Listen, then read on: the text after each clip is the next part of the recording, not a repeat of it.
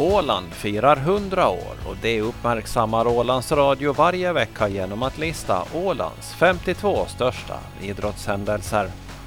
1993 föddes en av de mest framgångsrika travhästar som funnits på Åland.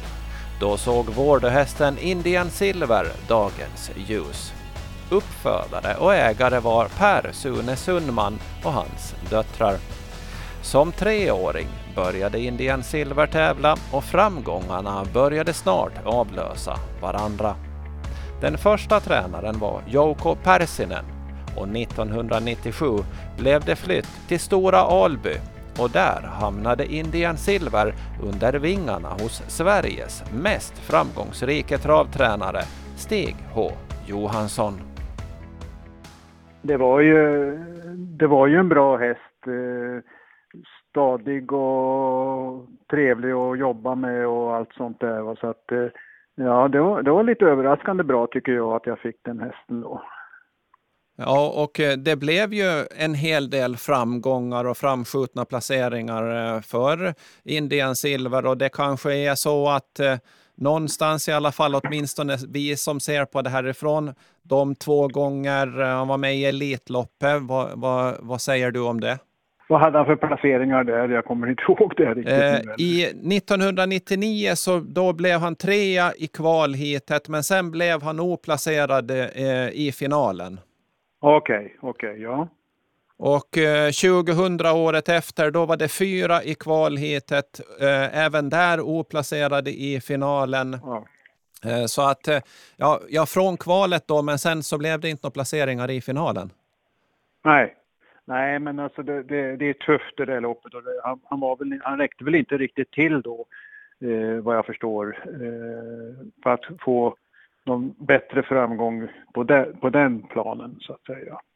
Eh, det som ju är, vi, vi måste ju ändå dra oss till minnes lite, år 2000 då Elitloppet. Du körde ju då alltså Indian Silver i, i kvalet, men sen var det ja. Örjan Kihlström som satt i sulken för att du hade ju och tog segern med, ja, var det kanske din bästa häst genom tiderna, Victory Tilly som, som ja. du, du körde då?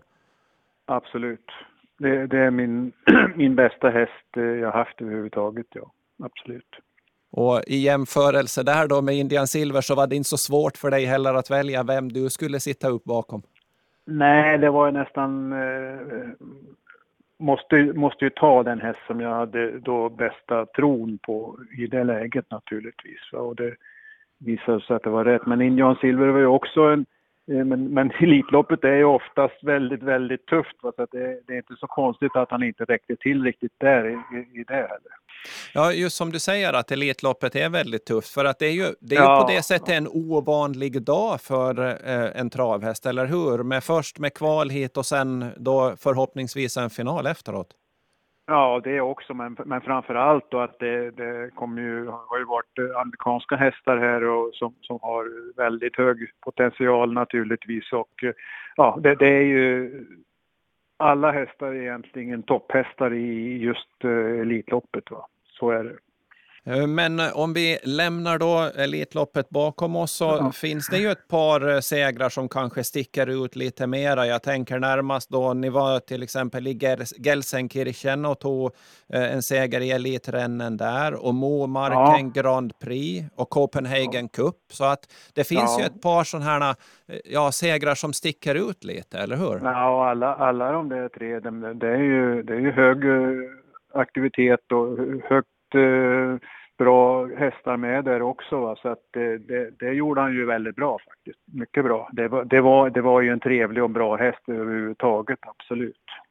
Och eh, totalt då så vad jag har kunnat läsa mig till här så blev det 61 starter och av de eh, starterna då så blev det 24 eh, segrar. Var det, ja, ja, vad säger du om, om, eh, ja. om det? Jo, men han, han, han, han, han gick ju på slutet då i högsta klassen och, och det är klart att han klarade sig relativt hyggligt där också va, e, naturligtvis. Så att, eh, nej, men han, han, han var en gedigen bra eh, häst att ha i träning och, och köra med, absolut. Och det sa travtränaren Stig H Johansson.